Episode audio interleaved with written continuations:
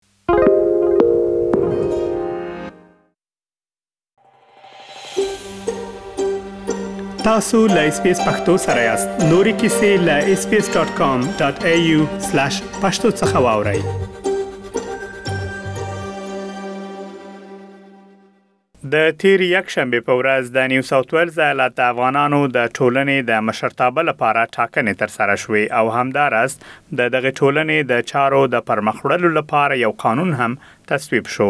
د همدغې موضوع په اړه غواړم د نیو ساوت ویلز ایالت د افغانانو د ټولنې له مشر ښاغلي محمد نادر اعظمي سره مرکه ترسره کړم. د یادولو وړ ده چې د ښاغلي اعظمي په مشرۍ ټیم دا ځل هم ټاکنې ګټلې دي. سلامونه ښاغلی اعظمي صاحب مننه چي اس پي اس پښتو راډيو ته مو وخت راکړ. وعلیکم السلام ورحمت الله منجیب جان زه تاسو ته او ستاسو همکارانو ته او د اس پي اس پښتو څانګې اوریدونکو ته خپل سلامونه وړاندې کوم. اعظمي صاحب مخکې له دې چې په جزیاتو وغږیږو چې ټاکنې څرنګه ترسره شوې او د اساسنامه څرنګه تصویب شوه او د هغې جزیات څه دي د ډېرو خلکو په ذهن کې کېدای شي دا سوال واوسېږي، ځینو له مانه پوښتنه هم کړې چې ولې دومره ژر بیا ټاکنې ترسره شوې؟ دا سوال ډېر عام سوال و، خو مګر متاسفانه داسې و چې تېر کال چې زموږ هغه وروڼو کور ته لاړ د دې مټر لپاره، ځکه چې موږ سره یو داسې اساسنامه موجود نه و چې په هغه کې بالکل د دورې داسې تعین وي او مونږ تیر کال پورې د هغه تاریخي او عنعنوي دور په دور کې هر درې کال زموږ انتخابات کېده نو دوی چې الټرال او ځکه چې زموږ هغه خپله امندد اساسنامه موجود نه و بیا د هغه مدل رول د 2009 مدل رول په هغه کې وایي چې اسوسیشن باید هر کال د ای جی ایم په ترڅ کې نوې اعضا باید وټاکي یو ای جی ایم وکړي بیا نوې اعضا پکې وټاکي نو بیا همدا ټکي باندې هغوی ونیوله بیا جج امر وکړ چې تاسو به ولاړ شئ او ایجیم وکړئ او په هغه کې نوې نوې ټاکنې وکړئ نو مونږ ډیر کال نه د کار پورې په همدغه مدل رول باندې دا دا انتخابات وشو ځکه دا انتخابات په یو کال کې وشو. اعظمي صاحب بله پوښتنه دا ده چې وروستیو ټاکنو په اړه که راته ووایې چې په دې ټاکنو کې ستاسو ټیم هم کاندید و چې تاسو دا ټاکنې وګټلې او یو بل ټیم هم کاندید و آیا یوازې دغه دوه ټیمونه کاندید و او بل ستاسو د ټیم ټولو غړو ټاکنې ګټلې دي که که ځینې مو نه دي توانېدلي چې ټاکنې وګټي تاسو دا تیر ټاکنو په اړه خبرې کوي او دغه د دوه ورځې وړاندې ټاکنیز مهدف. په دې کې یو بل تیم د آزادګان تیم په نامه زموږ په مقابل کې دا دوی هم ځان کاندید کړی وو نو الحمدالله زموږ د تیم ټول اعضا هغه اوه کسان چې پکې وو څلور ایگزیکټیف او درې اورډنري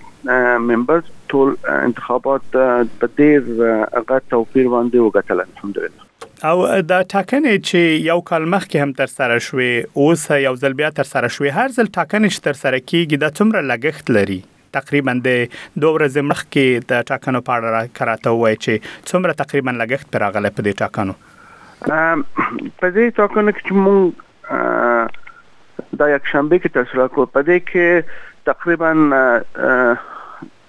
د درې زره درې زره شاوخوا نه زما په خیال چې دا څه په لګښت راغلی دی نه کم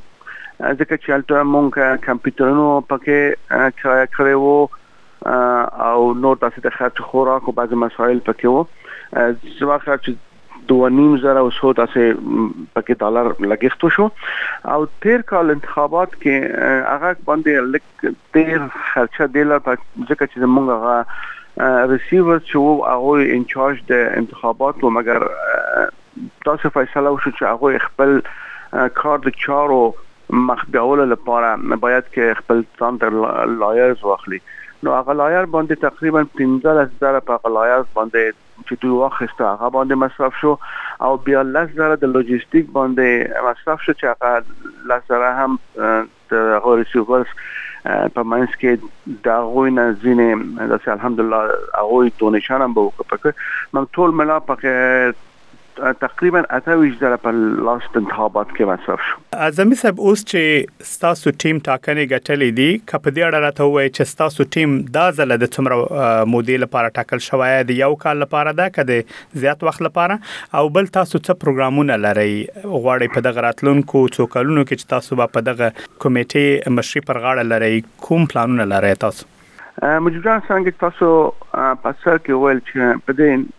انتخابات کې دا ټاکنه کې یوازې د نوې ایگزیکټیو ممبرز غړي ټاکنه نه و په دې کې یو بل ورقه هم خلکو ته وړاندې شو چې هغه داسې یو ریفرندوم پانه وو چې په هغه کې د کانسټیټیوشن د نوې پروپوز کانسټیټیوشن چې تقریبا د درې کالو نه مخکې په هغه باندې کار روان وو او څو ځله دغه مسوده از موږ وطنوالو ته وړاندې شوی وو په مادری ژبه کې هم نو هغه باندې ډېر بحثونه شوی وو او ډېر مسوده او بیا تر اخر سر د داسې سپیشل کانسټیټوشنل لایرز دپاره هغه هم وړاندې کړی شو چې هغوی دا د اسرا قانون سره مطابقت ورکړي چې فاینل درافت خلکو ته بیا پیش شو په 12 او نومبر کې چې مونږ د انتخاباتو او د ایجیم اعلان وکړو نو خلک هغه باندې خپل هغه مطالعه کړې و نو دا ریفراندوم ورق ورته دا سوال کوي چې تاسو د پرپوز کانسټیټیوشن د پاره خپل رائے ورکړي یا سوي او نو وای نو خلک په همدا ورځ دا هم چانس درلود چې دا کانسټیټیوشن په اسپیشل ریزولوشن باندې پاس کی چې الحمدلله هغه هم تقریبا په ډیر کلیر ماجورټي باندې هغه کانسټیټیوشن کې هغه هم پاس شو نو په هغه کانسټیټیوشن کې د یو دوره موده سلور کاله ټاکل شوې دي تو سو دا ان شاء الله د دې دوره د سلور کاله لپاره دي الحمدلله زمونږ څه پروګرامونه چې اوس دی هغه به مونږ ان شاء الله نور هم به کار ور باندې وکړو او زمونږ خپل هغه مین ګول چې مونږ په خاني تاکونه کې هم خلکو ته وعده ورکړې وو د یو خپل افغاني او داسې خپل نرسنګ هوم یا د بزرګانو لپاره د اوسېدنې ځای دغه حال چې تاسو ګوري په دې باندې پلان شوی د مونږ کونسل سره هم خبرې کړې ده د دې لپاره او څه پلانونه هم مونږ کړی ده څه ریسرچ هم دې باندې شوې ده چې متاسفانه د ډیرو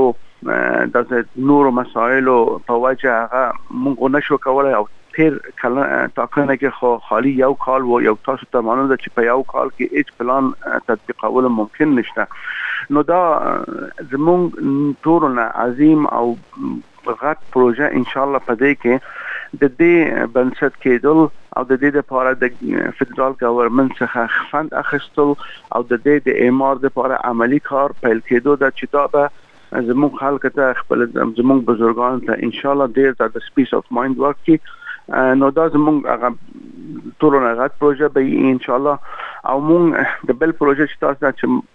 د ځوانانو لپاره یعنی د ځوانانو لپاره نور هم د کار زمينه برابرول د اسوسیشن په چوکات کې او د هغوی وند اخیستو د اسوسیشن په امور کې په عملی توګه چې دا بالکل د ځوانانو په دې سیستم باندې داخل شي ان شاء الله چې د رهبریت او د دې اداره د ځوانانو په لاس کې ان شاء الله وشي او also د هغه مودرنایزیشن او د ډیجیټالایزیشن سیستم په اسوسیشن اداره کې په هر برخه کې ان شاء الله مون دا هم زموږ مقصد ده چې ان شاء الله دا به تطبیق کو په دې کالونو کې ان شاء الله ښاغلی اعظمي صاحب تاسو په خپلو خبرو کې اساسنامې ته اشاره وکړه چې د نوې اساسنامې پر اساس تاسو ټیم چون دغه اساسنامې ته یا قانون ته خلکو مثبت رای ورکړي نو د څلورو کلونو لپاره ټاکل شوی دی کچیرته د خپل اساسنامې تر شویا دغه قانون چې د ټولنې لپاره جوړ شوی ده د دې مهم ټکی څه دی کوم شیان پکې اوس اوس کوم مثبت رای اکثریت ورکړي ده تصویب شوی ده نو اوس څه پکې راغلي دي اصلي ټکي څه دي که په خلاصه دا ور اصلي ټکي وای چې شروع کو د دې د مودې د پر ځکه چې تاسو ته هم خلک دا ویلي وو او ټول خلک په دې باندې ایران و چې بیا په یو کال باندې د خلکو داسې راتلل په انتخاباتو لپاره په یو کمیونټي کې ډېر ګران کار ده او دا هم د تیاری نیولو لپاره دا هم ډیر وخت او د پیسې خرچ دا ټول خلک ته داسې مشکل وو نو یو خدا شو چې دا موده داسې ایکستند شو د هر څوک چې په اسوسیشن کې راشي دا کول شي چې په خپل وخت کې خپل کارونه مخ ته وباسي او بل د داسې نور د اعضاء حقوق او د انجمن حقوق د اعضاء په مقابل کې دا ټول په دې اساسنامه کې ډیر په وضاحت سره بیان شوی دی په یو مسله باندې چې تاسو داسې داسې مختصره توګه ما زه اشاره وکم تاسو چې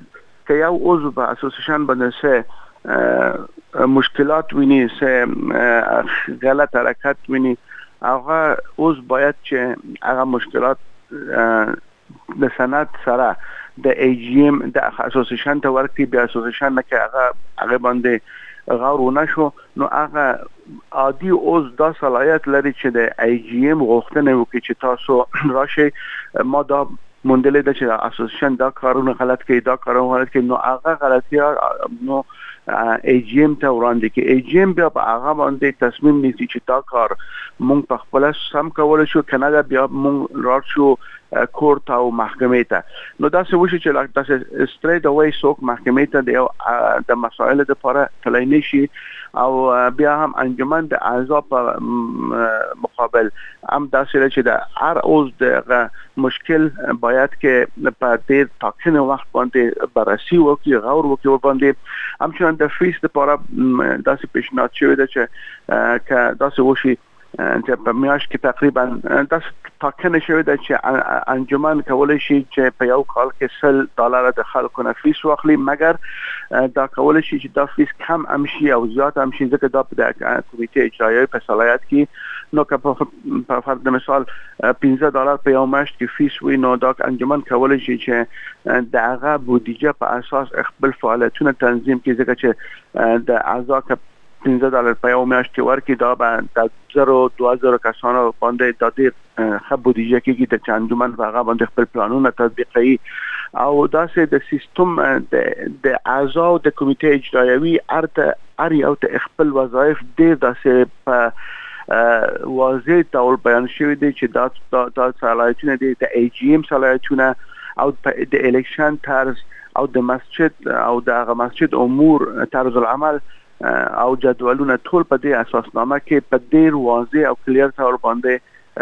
د قانون په مطابقت بیان شوی دی د نیو ساوت ویلز ایالت د افغانانو د ټولنې مشر خغلی محمد نادر اعظمي له تاسو نه ډیره زیاته مننه چې موږ ته مو وخت راکړ مجیب جان قبل چې تاسو ته خدای پامنې وکړم زه د ټول وطنوالو نه دا ډیره مننه کوم چې دوی هغه ورځ په دې الکشن په دې ټاکنه کې راغلل او خپل رائے ورکو او دوی نه ډیره